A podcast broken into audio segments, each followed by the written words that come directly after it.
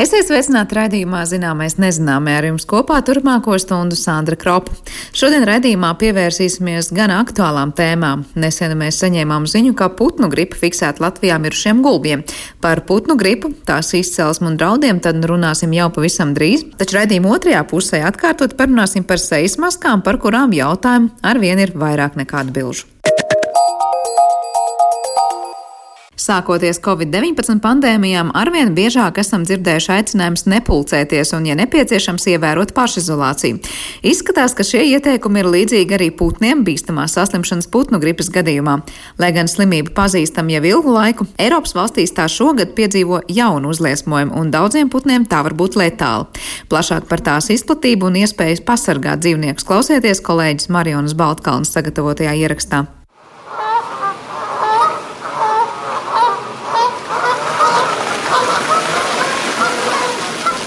Putnu gripa ir jau vairāk nekā gadsimtu zināma saslimšana. Arī šobrīd pazīmes, kas liecina par iespējams jaunu uzliesmojumu parādīšanos kādā valstī, ir putnu migrācija, kā arī liela putnu koncentrēšanās savaļā pie kādas ūdens tilpes un mājasaimniecībās. Sarunā ar pārtikas drošības, dzīvnieku veselības un vides zinātniskā institūta bioru direktoru un Latvijas lauksaimniecības universitātes veterināra medicīnas fakultātes profesoru Aivaru Bērziņu iezīmējas fakts, ka arī putnu, tāpat kā cilvēku organisms uz saslimšanām var reaģēt atšķirīgi. Plašāk stāsta Aivars Bērziņš. Ja mēs e, vēsturiski paskatāmies atpakaļ, jāsaka tā, ka agrāk arī virkni šo augstu patogēno putnu gripu arī sauc par putnu mēri, e, un šie saslimšanas gadījumi, kuri jau raksturoti vai kā uzliesmojumi, pirmie bijuši 19. gadsimta beigās, 20. gadsimta sākumā. Pārdesmit gadus vēlāk, gadsimta vidū, Amerikā bija konstatēti milzīgi saslimšanas gadījumi, un tas viss skarbākais, varbūt tāds nopietnākais, kas atmiņā palicis arī tādu nu, epidēmiju izpētes kontekstā, ir 80. gadu sākums, 80. gadu vidus kad Amerikā mira vairāk kā 17 miljoni putni, tā skaitā, kas tika nokauti šīs slimības ierobežošanas kontekstā, un arī tie, kas tika konstatēti nu, kā miruši savvaļas putni, kuriem apstiprināja šo slimību. Tā kā gadsimtu gaitā mēs ar šo slimību sastopamies viļņveidīgi, mums parādās jauni vīrusu tipi, un veterinārie dienesti visā pasaulē, un arī mūsu pārtiks veterinārais dienests periodiski, neskatoties uz to, ka šī slimība pie mums, piemēram, vēl nav, jau saulaicīgi brīdina par šo te gripas vīrusu sezonas tošanos vai to, ka šis vīrus varētu potenciāli apdraudēt mūsu punkopības sektoru. Un šis gads ir tas pirmais gads eh, mums vēsturē, ka Nu, diemžēl šī augstpatogēnā putnu gripa ir arī nonākusi pie mums. Jāsaka tā, ka šim jau gatavojāmies, nu, kā Latvija un arī kaimiņu valstis jau gatavojās kādu laiku. Ja mēs salīdzinām ar iepriekšējiem gadiem, tad mums ir paveicies, un iepriekšējos gadus mums šī augstpatogēnā putnu gripa ir gājusi pāri, ja tā varētu teikt. 19. gada pēdējās dienas un 20. gada sākums ka parādījās Polijā milzīgs uzliesmojums putnu saimniecībā, deva signālu, ka varētu šī epidēmija tālāk izplatīties Eiropā. Un, protams, pārējās valstis ļoti cieši sekoja šai situācijai, un tad, ja mēs paskatāmies šo epidemioloģisko karti, kā izskatās šī saslimšanas gadījumu skaita izplatība Eiropā, tad mēs redzam, ka mēnesi pēc mēneša ar savvaļas putniem šis gripas vīrus ir gājis pāri lielākai daļai Eiropas valstu. Milzīgi skarti reģioni Eiropā ir Lielbritānija, Dānija, Vācijas ziemeļu piekraste. Iepriekšējos gadus arī bija Zviedrijas dienvidu daļa, un tagad to, ko mēs redzam, savvaļas putni jau principā skāruši būs tulīt, tulīt jau visas Eiropas valstis. Jā, ir kādas 22 Eiropas valstis, kurās ir šie savvaļas putnu pozitīvie gadījumi, un tad ir kādas 11 valstis, kurās arī mājās turētos audzētos putnos ir šis vīrus konstatēts. Par ko ko konkrēti ir runa šajā gadījumā? Ko gripa ietekmē varbūt konkrētas putnu sugas? Nu, jāsaka tā, ka gripas vīrus var ietekmēt gan savvaļas putnus, gan maiputnus. Interesanti tas, ka virknē šie vīrusu izplatītāji var būt savvaļas putni, tīpaši ūdens putni, kuriem šī slimība var noritēt bez tādām nu, ļoti raksturīgām pazīmēm un otrs ir arī maiputni. Un maiputniem tas pats trakākais vai briesmīgākais ir tas, ka šie uzliesmojumi norit ļoti strauji, un tas ir saistīts arī savā veidā, ka tie maiputni, protams, dzīvo vai nu šajās putnu novietnēs vai ciešākā kontaktā vienam ar otru, kas arī veicina varbūt vienas vai otras infekcijas daudz straujāku izplatību. Tātad putnu spektrs ir ļoti plašs, kuru šis vīrus var apdraudēt. Ja mēs paskatāmies, kā notiek šī vīrusa transmisija, un ja mēs paskatāmies to, ka arī šis vīrus var saglabāties ilgāku laiku, teiksim, ārvidē, arī, piemēram, ir pētījumi, kur ūdenī vīruss, jā, atkarībā no temperatūras, var saglabāties vairākas dienas. Ja ir uh, ap 0 grādiem, ir pārdesmit dienas, tad mums ir siltākas temperatūras, tās varbūt ir dažas dienas, un arī fekālijās putnu var šis uh, vīrus saglabāties. Tas nozīmē to, ka ir iespējas arī šo vīrusu pārnest tātad putnu kontaktceļā, vai tās ir ūdens tilpes, pie kurām putni pulcējās, vai nu tas ir um, kādas citas vietas, kur uh, putni var nonākt saskarē ar šo arī iespējams uh, vidi, kurā ir bijusi lielāka putnu koncentrācija, līdz ar to arī lielāka vīrusu izdalīšana ārvidē. Un tā kā tie kontakti var būt ļoti, ļoti daudzveidīgi. Un tajā ķēdītē jau noteikti var iesaistīties arī citi organismi, vai ne? Es iedomājos, piemēram, kāds varētu būt tas ceļš no gulbja vai pīles līdz tādam, nu, mazam putniņam kokā dzīvojošam. Ir, piemēram, izkārnījumi, ūdens tilpes malā, tad eh, pa ceļam iesaistās vēl kāds dzīvnieks vai, piemēram, cilvēks, ja? Un tā tas varbūt arī var nonākt tālāk līdz citām putnu sugām, kas it kā pie ūdens nedzīvo. E, jā, tur var teikt e, savā veidā taisnība, jo faktiski šī vīrusu pārnes, ja mēs skatāmies, kāpēc e, maisaimniecībās arī tiek pievērsta ļoti liela uzmanība un arī putnkopības kompleksos milzīga uzmanība biodrošības pasākumiem, jo jāatcerās tas, ka mēs arī ar savu darbību vai rīcību pārvietojoties vai neievērojot kādus higiēnas vai biodrošības pasākumus, varam tīri mehāniski arī šo vīrusu ienest eh, arī putnkopības eh, saimniecībā.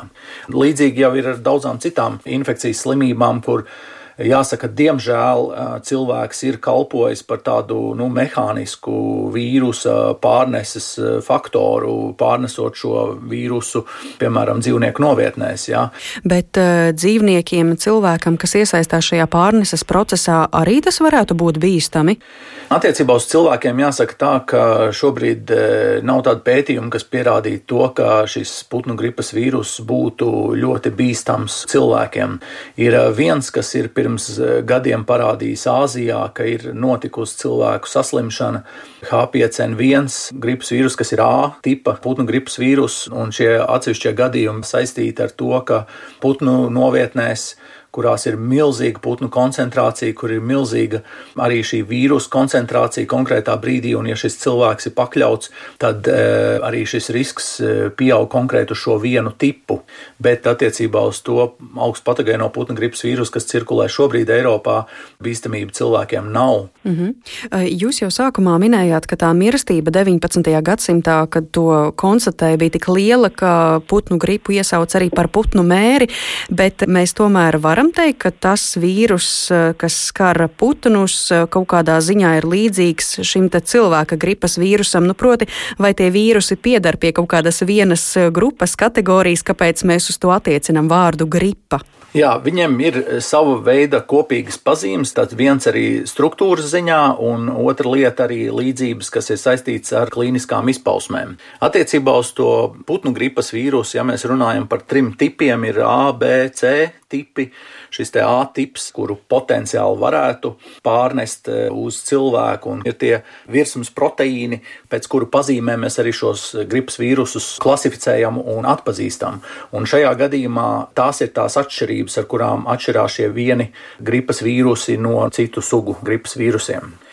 Putniem jāsaka tā, ka klīnisko simptomu spektrs var būt ļoti daudzveidīgs, sākot no tādiem asimptomātiskiem variantiem, beidzot ar ļoti smagiem klīniskiem simptomiem, kas saistīti ar elpceļu patoloģijām, tādām hemorāģijām trahejā, ar zemādas pietūkumu, tad arī ar savu veidu arī pietūkumu ap acu plakstiņiem Taču, ko es minēju sākumā par šo augstu patogēno putnu gripu, tas, ko mēs varam novērot, e, ļoti bieži tā ir strauja mirstība, tuvu 100%.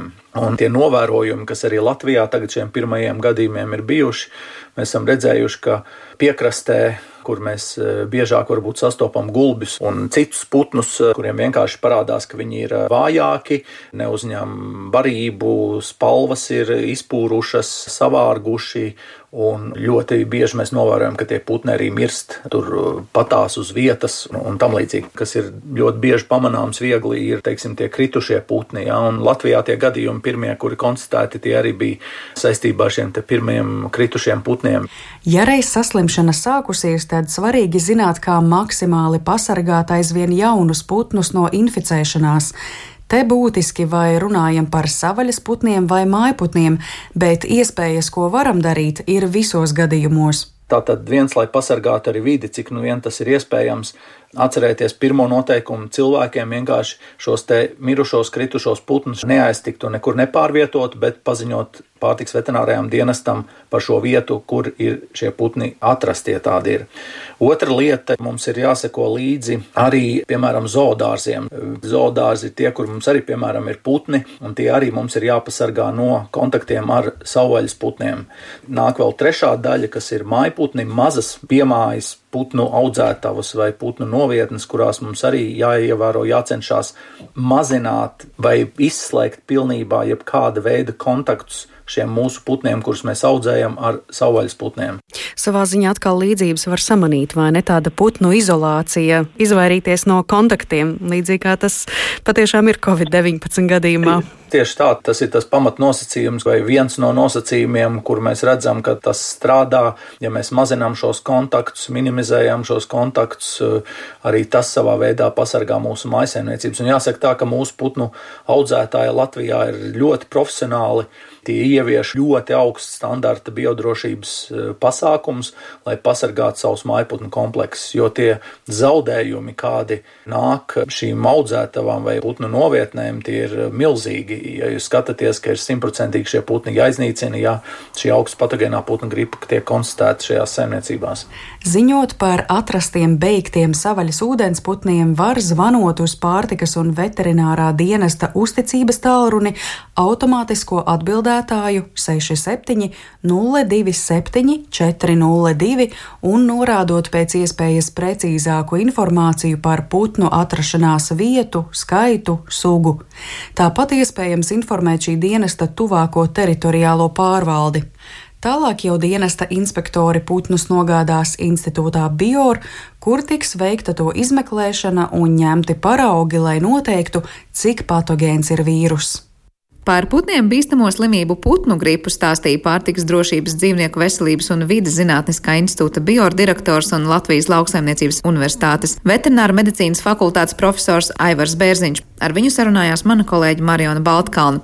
Jautājumi joprojām ir daudz arī par saslimšanu ar covid-19 un tieši sejas masku lietošanu, tāpēc par tām mēs runāsim raidījuma otrajā daļā.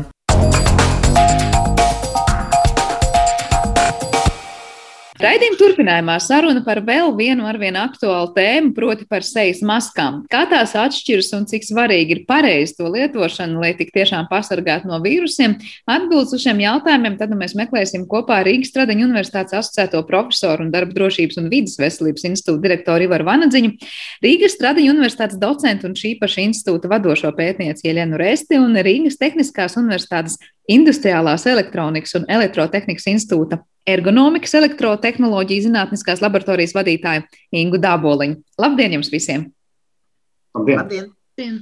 Nu, pirms mēs sākam runāt par to, cik dažādas ir maskas, varbūt arī cik dažādas un jaunas tās ir tapušas arī pie mums šeit, Latvijā, par to pareizo nēsāšanu. Vai piekritīsiet, ka nu, maskas var būt cik pareizas un cik labas un cik kvalitatīvas, bet ja mēs nepareizi tās lietosim, nu, tas efekts jebkurā gadījumā nebūs. Un es šeit runāju ne tikai par nepareizu lietošanu, kā tikai mutes aizsakšanu un degunu atstāšanu vaļā, bet vairāk par to, ka mēs varbūt neievērojam, cik stundām tās ir paredzētas vai cik lietošanas reizēm tās ir paredzētas.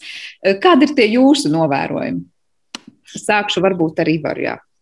Jā, nu, duši novērojumi ir, nu, mums visiem trijiem duši ir līdzīgi. Novērojumi liecina par to, ka uh, pārfrāzējot slaveno draugi no labi, jā, tad šeit ir drusku līdzīgi, jo tiešām ļoti bieži dzīvē nu, nākās redzēt gan zem tā deguna novilktas, gan kaut kur nomestas, vai tādas, kas ir redzami putekļu kārtu pārklājušās un tam līdzīgi. Jā, tā kā tu tiešām Domāju, viss šis spektrs ir pārstāvēts, ko tu tikko pieminēji, un tā ir varbūt arī tiešām daļa no problēmas, ka nepareizi neatbilstoši lietojot masku, tas tātad gan ne tajā vietā, gan pārāk ilgi, no viņas tādas īstas jēgas vairs nav. Jā, es nezinu, ja nenāk, došu vārdu. Jā, bija veikts arī mūsu pētījums, arī anketēšana cilvēkiem, un, kas parādījās par masku valkāšanu. Un parādījās tas, ka nevienmēr cilvēki mazgā, teiksim tā, tas auduma maskas bieži vai mazgā tad, kad, nu, acīm redzami netīra maska, netik bieži varbūt arī viņu nomaina. Uh, Un uh, tikpat labi arī tad, kad novelk, vienkārši noliek, ieliek kabatā, nevis kaut kādā maisiņā, nu, tad, protams, tā maska paliek aizvien netīrāka. Un, protams, bija literatūra arī bija tāda pētījumi, kad auduma maska varbūt nu, arī piesūcās gan ar mitrumu, gan ar tur mikrobi arī uzkrājas vairāk. Nu, tāpēc jārūpējas par masku noteikti.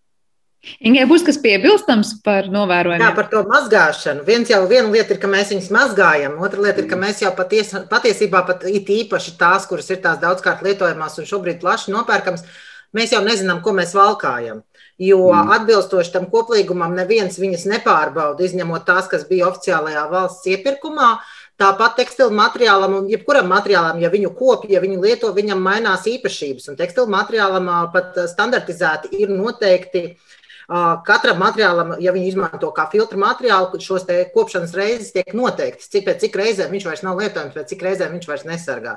Mūsu mm -hmm. cilvēkiem jau nu, šādas informācijas nav, jo katrs, kas viņam ienāk prātā, plus vēl ir arī tas, kā ne tikai no materiāla viedokļa, arī no tās formas viedokļa un arī no izgatavošanas viedokļa. Ja sākumā pavasarī bija tika prasīts no ministrijām šīs vadlīnijas, kas tad ir pareizi, kas nav pareizi, un mēs arī meklējām un, un sniedzām šos komentārus. Un viens no tiem bija, nedrīkst būt vīle pāri sejai.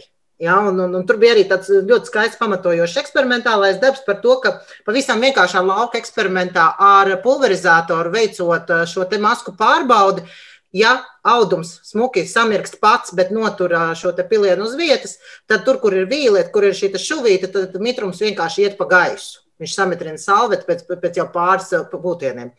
Tad šis jau netiek ievērots absolūti. Lielākā daļa tirgu pieejamo masku ir tieši ar vīli pāri sejai. Mm. Un, un vairums viņas ir, kā latvieši praktiski to dara mājā, nopirktas un joprojām rūpīgi lietotas, ja, vai kaut kā tā. Un skaidrs, ka tur ir stāsts par katru mīļāko tēkļu, kurš ir rentās reizes mazgāts un kuram cauri spīd. Viss, kas nevar spiedēt cauri, ar maskām pats ir situācija tieši tāda pati. Ja mēs to audumi, viņi vairs nu, nekādā veidā neko vairs nefiltrē. Visticamāk. Kāds ir tas optimālais lietošanas laiks? Nu, tām, ja mēs runājam par audumu maskām, kas ir vai nu, nopērkams vai ko paši varbūt kāds šuji, uh, ir konkrēts reižu skaits, vai tur plus mīnus jūs teiksiet, nu, laika limitā, kurā noteikti, lai cik mēs mazgātu, tā maska vairs nav lietojama? Nu, laika limitā pirmkārt jau par to, kā viņu pašu lieto. Viņai vajadzētu, nu, tas, tas klasiskais teikums ir līdz piesātinājumam. Respektīvi, tad, kad mēs jūtam, ka tā maska ir mitra, viņu vajadzētu likt tajā maisiņā, ko Jelena pieminēja, lai, lai tad, nu, līdz tai mazgāšanai. Uh, Tad nākamais par to biežumu, cik bieži lietot, nu, līdz tādam redzamam nodilumam nevajadzētu aiziet. Ja, jo, jo skaidrs, ka, ka mums nav skaidra informācija par ieeju. Līdz ar to mēs nevaram definēt izēju. Ja? Mēs nezinām, kā, ko tie materiāli filtrē tajā brīdī, kad mēs viņus sākam lietot. Ja? Līdz ar to teikt, ka viņš pēc kaut kāda laika dara sliktāk to, par ko mēs nezinām, ko viņš darīja sākumā, mums būtu diezgan tā viegliprātīgi. Ja? Līdz ar to nevajadzētu nonākt līdz tam, ka mēs redzam, ka šis materiāls ir nolietojies. Un Ivars jau arī pieminēja par tām parastajām medicīniskajām maskām. Viņas jau ļoti, pirmkārt, medicīniskā maska vispār ir vienreiz lietojama bet mēs labi redzam sabiedrībā maskas, kas mm. ir lietotas kopš aprīļa. Mm, jā, es dažus labus, es tiešām tādus pilnīgi palēkus redzējis. Bet vēl, vēl tikai piebilstot, papildinot Ingas teikto, ir nu, arī tajā, nu, tās auduma maskas pērkot vispār vajadzētu pirkt tikai tādas, kas, nu, kas ir testētas pēc tām jaunajām, jaunajām saucamajām vadlīnijām, kas ir nu, beidzot augustā pieņemtas, jau, vai, vai kad nu, viņas tika pieņemtas.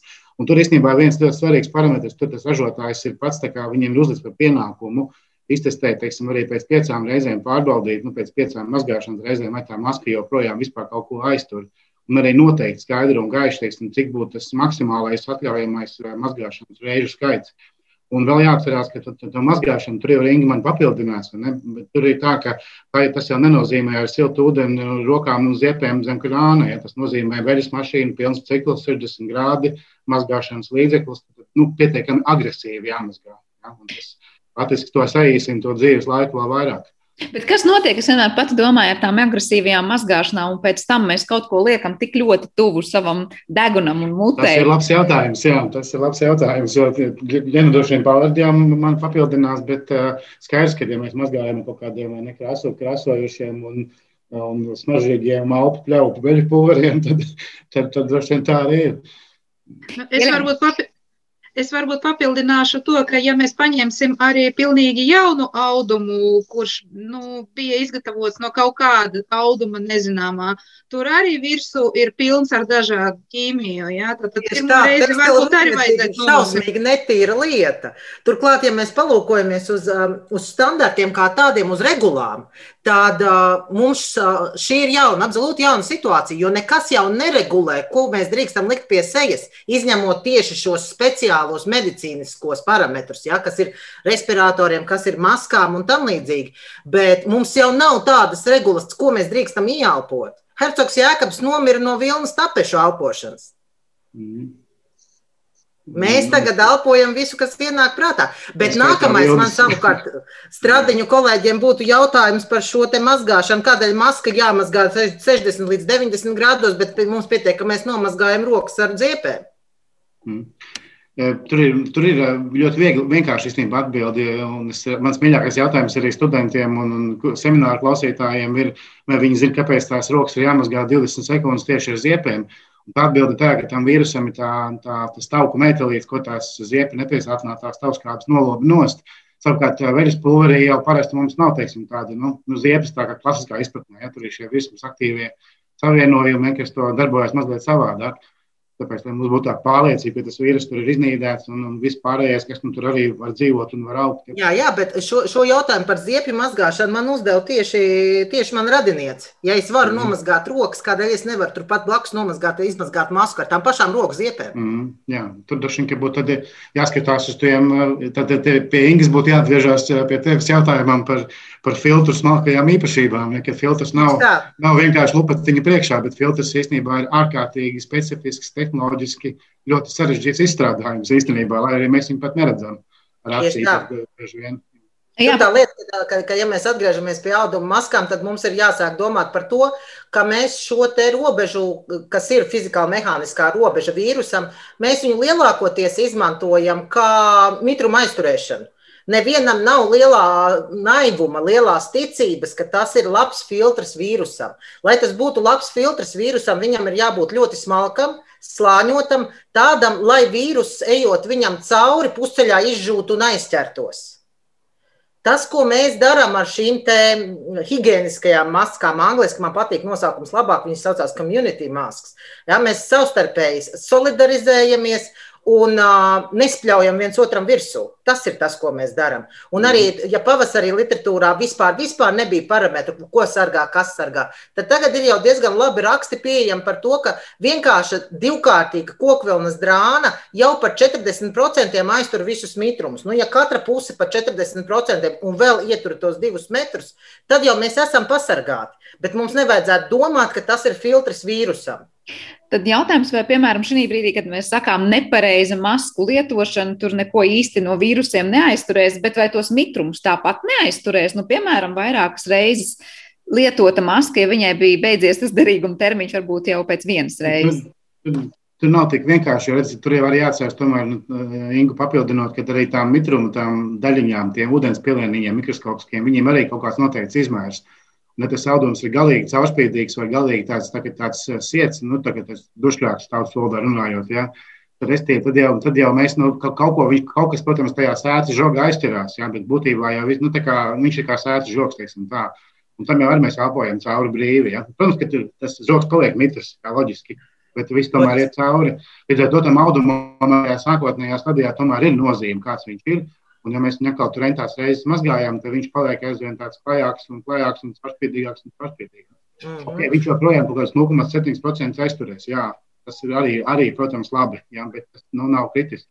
50 savukārt jau būtu ļoti ok, 60, 70 būtu jau nu, gandrīz droši, ja, ja abas puses lieto klusā distanci. Kādas ir jūsu novērojumi varbūt šobrīd no tiem, ja mēs runājam par auduma maskām, kas ir nopērkams vai ko cilvēki paši darina? Tie audumi kopumā vairāk vai mazāk ir atbilstoši vispār, kuriem būtu jānonāk masku ražošanā? Vai mēs to Te mēs sastopamies ar to, ka mums ir šīs tētās normas, kas tika apstiprināts, kā Ivars minēja, augustā, bet mums jau īsti neviens pēc viņām nepārbauda. Tas ir viens. Otrs ir tas, ka ar pašdarinātajām un nepārbaudītajām maskām mēs riskējam, papildinot to, ko Ivars iepriekš teica par sētas žogu, mēs riskējam ar otru problēmu - ar pilienu sašķiešanu aerosolā. Ir arī tādas drānas, kas sašķiež pilienu mm. mazākā migliņā. Viss kļūst sliktāk jo tas piliens vairs nav piliens, viņš nekrīt uz zemes, viņš paliek turpat gaisā, viņš uzturās gaisā un nākošais, kurš nāk, viņš uh, to ieelpo, jo pats vīrus ir daudz mazāks nekā šis piliens. Un tajā brīdī, kad vīrus tiek sašķiets aerosolā, pats vīrus jau paliek kādā no tiem mazajiem gabaliņiem, kas tagad karājas gaisā, kur nāk nākamais. Mm. Ja pareizi. Jā, droši. Tiešām ir pētījumi, ka daži no tiem audumiem, īpaši tie, kas ir tie ļoti simetriskie, uh, ka viņi faktiski tiešām padara situāciju vēl sliktāku. Un otrs, ko laikam nevajadzētu aizmirst, arī tiešām, ka tās maskas spēki mēs jau tiešām nu, pilnīgi neko nezinām, no kurienes tas audums ir ņemts. Varbūt viņš ir kaut kāds tur apstrādāts rentajām ķīmijām, krāsots kaut ko pilnīgi neatbilstoši, jo viņš īstenībā ir domāts kaut kam pilnīgi citam, teiksim, jakas, virs, jakas ārpusē. Ja? Un viņš nekādā veidā nav bijis domāts likt pie sejas, ja, pie, pie ļotādām. Ja, tur mēs tiešām vienkārši, vienkārši neko nezinām. Vienkārši nezinām. Bet ir tādi ieteikumi, ko, uz ko pievērst uzmanības tiem cilvēkiem, kas izvēlas vairāk kārt lietojamās maskas, no nu, kuras audums noteikti jā vai noteikti ne, vai kā vispār vienkārši patērētājs man, tur pats var uz aci noteikt to visu. Nu, mans ieteikums šiem cilvēkiem ir pret medicīniskās maskas. Tam vienkārši. Nu, tā, kā, tā kā jokā par to, ka labākā zivs ir desa, tad arī šeit jāsaka, ka labākā auduma maska ir medicīniskā maska. Jā, jo faktiski tam auduma maskām, ja viņas nav pārbaudītas, viņām nekāda ticība nevar būt. Tikai medicīniskā maska nepasargā sevi. Nu, protams, jā. jā. jā tā kā auduma arī ne. Formas pašūtā, jā, maska pasargās mazliet arī sevi. Tātad tās, kas ir pašu šūtās, sevi vairāk pasargās. Kā, kāds... Ja viņas ir labas formas, ja tā ir medicīniskās maskas kopija, tad tas ir nu, liek izšķies materiāls, laiks, darbs, nauda un viss pārējais. Ja, ja viņa ir tāda, kura ir ergonomiskāka, kur piekļaujās sejai, kas jau imitē respiratoru. Jo, jo ir jāsaprot, to, ka šie ir divi pilnīgi kategoriski dažādi līdzekļi - respirators un medicīniskā maska. Medicīniskā maska ir, lai pasargātu sabiedrību, respektīvi tās ir domātas mediķiem, operācijās un citās manipulācijās, kur viņš pasargā no savas izelpotās, tas, kas viņa izelpā ir atrodas. Ja? Un tur atrodams ir viss kaut kas. Savukārt respirators ir individuālās aizsardzības līdzeklis. Un ja mēs šo visu zinātību pagriežam pret pašūtajām maskām, tad, ja mēs kopējam šo kolektīvās aizsardzības līdzekli, medicīniskā maska, mēs iegūstam principā darba imitāciju. Jo mēs iegūstam kaut ko tādu, kam nav tādas caurlaidības, kā ir medicīniskai maskai. Savukārt viņā mūs nepasargā, jo mums pa visām pusēm iet iekšā gaiss, kas ir izelpots un atrodas apkārtējā vidē. Bet, ja mēs uzšujam, jā. Es tikai pēc tam, ja Irēna varēs pastāstīt, kā viņi mērīja un kā tur labi redz, ka iet, kurai labi vairāk ir garām tas gaiss, uh -huh. kas pieminētais. Jā. jā, tieši tā, bet jau uzšai kaut ko tādu, kas, kas, kas tā kā ir vairāk ergonomisks, vairāk ap seju, vairāk nosedz visu to respiratoro sistēmu, tad mēs varam sākt skatīties uz to standartu, kurš pārbauda respirators. 149. no galvas jau ir iemācīts. Un tajā ir tādi parametri, kas tā arī saucās - piekļāvīgums sejai, gaisa noplūdes un tam līdzīgas lietas, ko medicīniskajā masā maskām vispār nepārbauda. Vispār, vispār nē. Ja? Līdz ar to, jā, medicīniskā maska, ja mums nav labākas alternatīvas. Un uz šo labāko alternatīvu arī atbildot par materiāliem. Literatūrā lielākoties uzsver, ka tie ir kokvilnas materiāli vai citi celulozes šķiedras materiāli. Jo sintētiskajiem materiāliem ir pat taisno risks, ka tas būs siets, ap kuru izšķīdīs piliens aerosolā. Uh, bet pie mums jau pārdod visu kaut ko, pie mums pārdod pat tādas maskas bez mm. ventilācijas caurumiņiem. Jā, tas ir ekstrēmi. tas ir ekstrēmiem eksperimentatoriem. Jelena, kāda mērījuma ir notikuši? Mm. Nu, mēs projekta ietvaros mērījām ar infrasarkanās kameras, termokameras palīdzību to temperatūru, kas, no, ko mēs redzam, kad cilvēks elpo caur masku vai dažādiem respiratoriem. Un medicīniskajā maskā mēs ļoti labi redzam, ka varbūt patiešo caur šo materiālu tik daudz šis siltums neiet cauri, nu, tā kā kopā ar gaisu, bet mēs daudz redzam, kā plūst garām. Tad, tad tās gan uz acīm, uz augšu, sānos, tur, kur tā maska tik cieši nepieguļ pie sejas. Tur, kur bija respiratori, kuri nu, tiešām labi pieguļ pie sejas, tur bija daudz labāk, un tā temperatūra, to, ko mēs termogrāmās redzējām, praktiski, nu, praktiski nevarēja manīt. Mm. Bet, piemēram, auduma maskām ļoti nu, tā krāšņi varēja redzēt, kā plūst cauri audumam.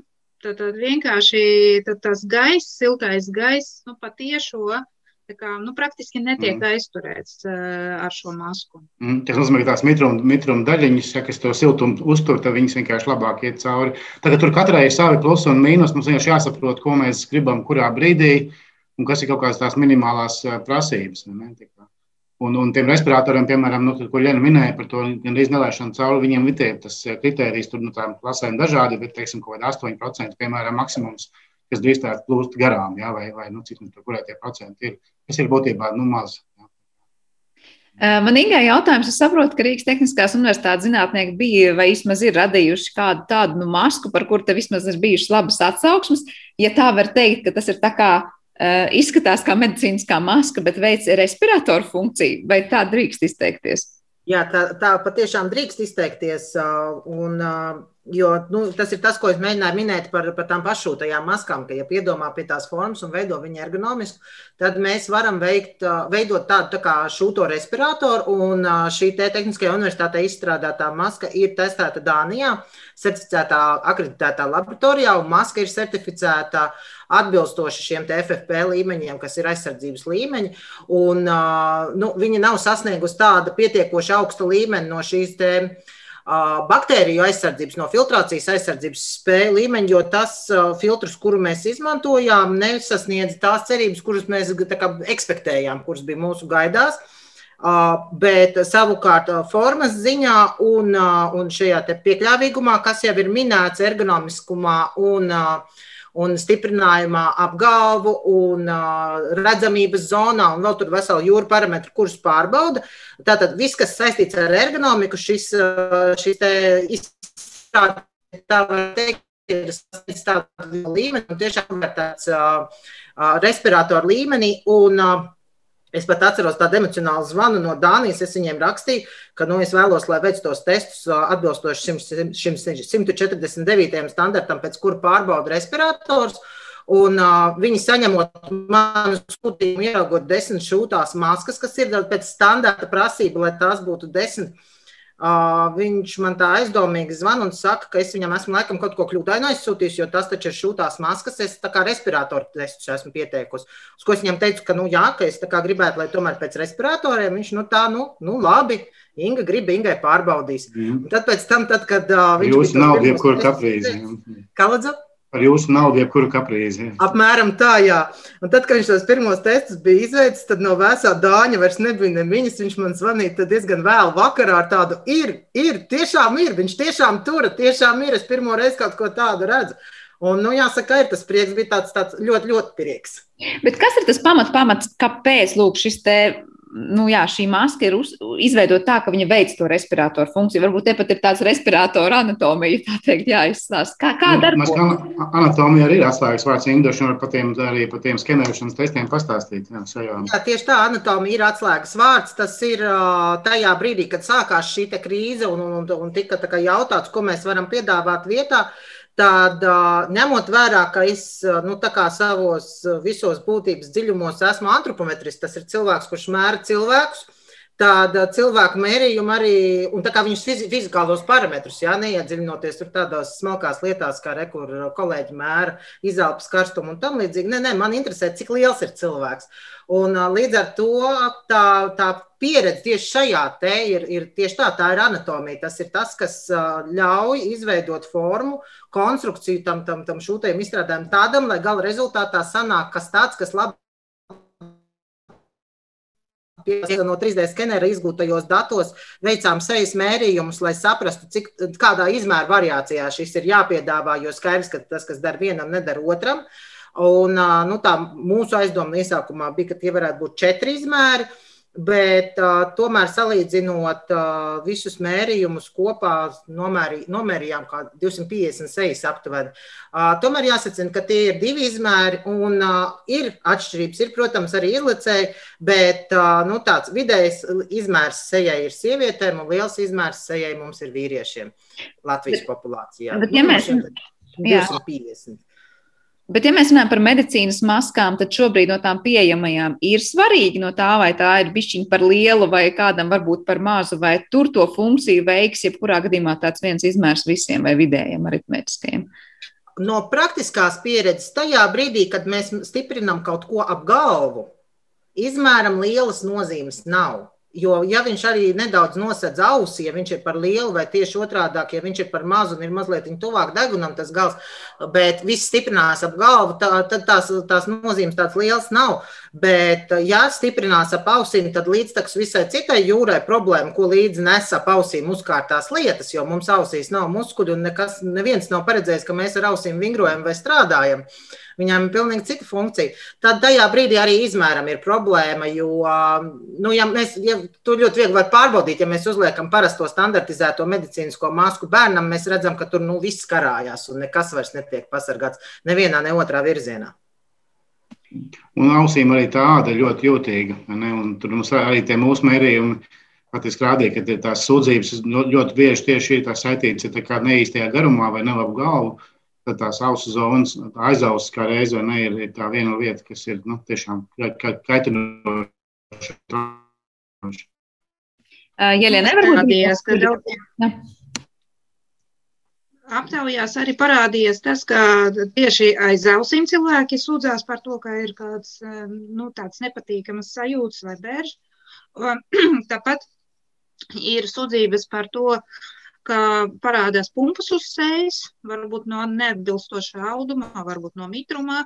Eh, ir arī sūdzības par to, ka varbūt degunu spiež no maskām. Mm. Tas parādījās aptaujās. Mm.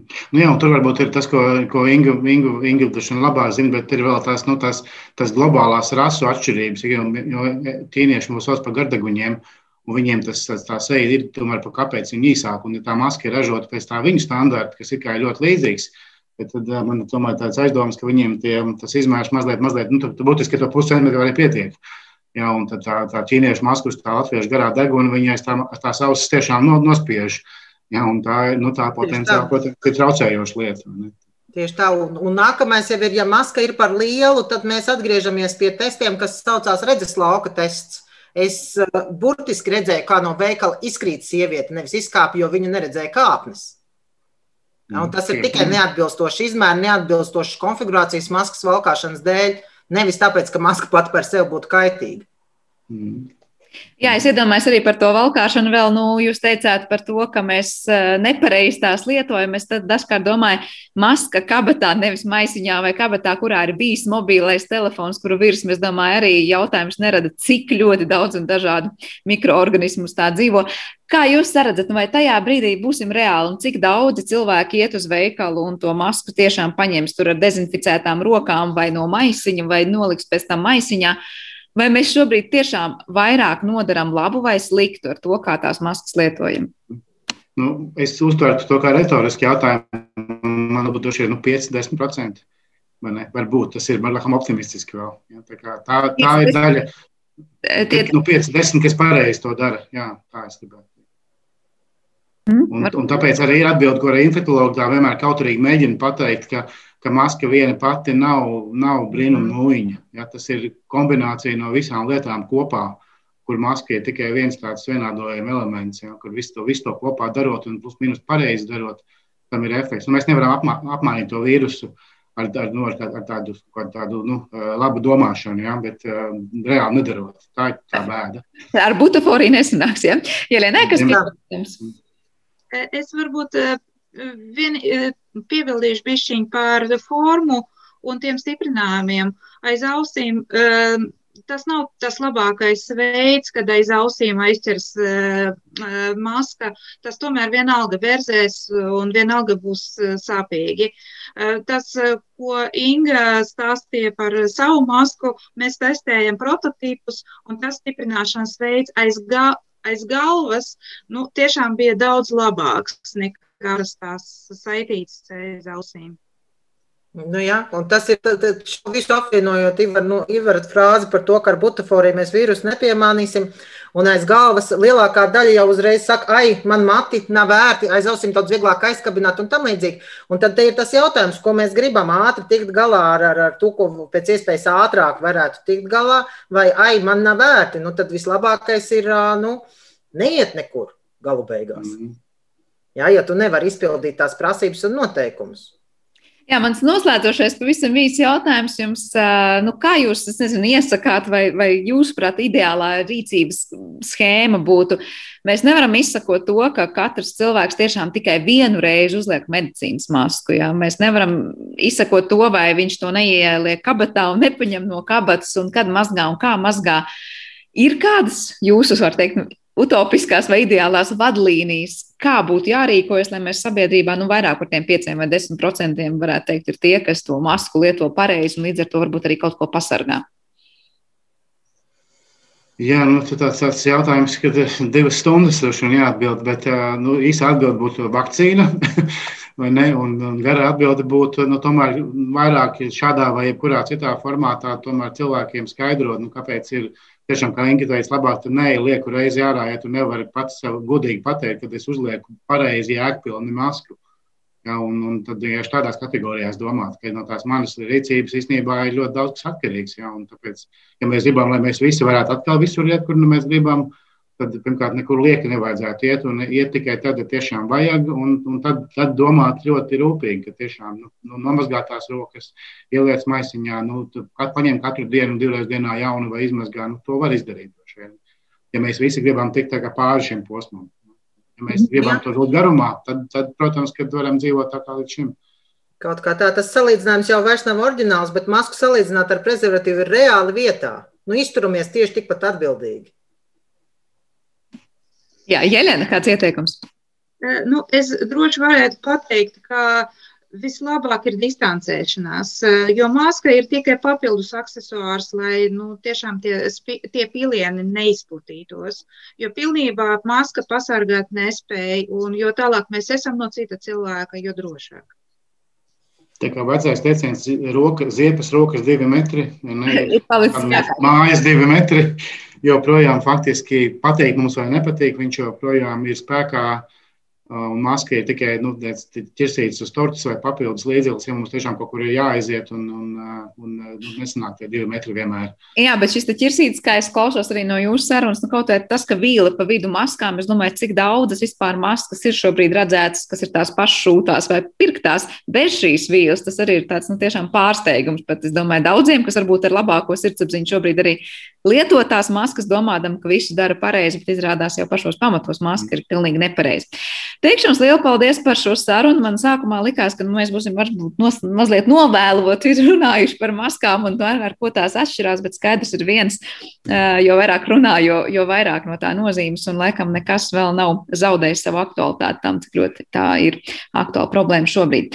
Teikšu jums lielu paldies un dzirdējām šajā raidījuma pusstundā Rīgas Tradiņu universitātes asociēto profesoru un darba drošības un vidas veselības institūta direktoru Ivaru Vandziņu, tāpat arī Rīgas Tradiņu universitātes docentu un šī institūta vadošo pētnieci Ielienu Kristiānu Resti un Rīgas Tehniskās Universitātes Industriālās elektronikas un elektrotehnikas institūta ergonomikas un elektrotehnoloģijas zinātniskās laboratorijas vadītāju Ingu Dāboliņu.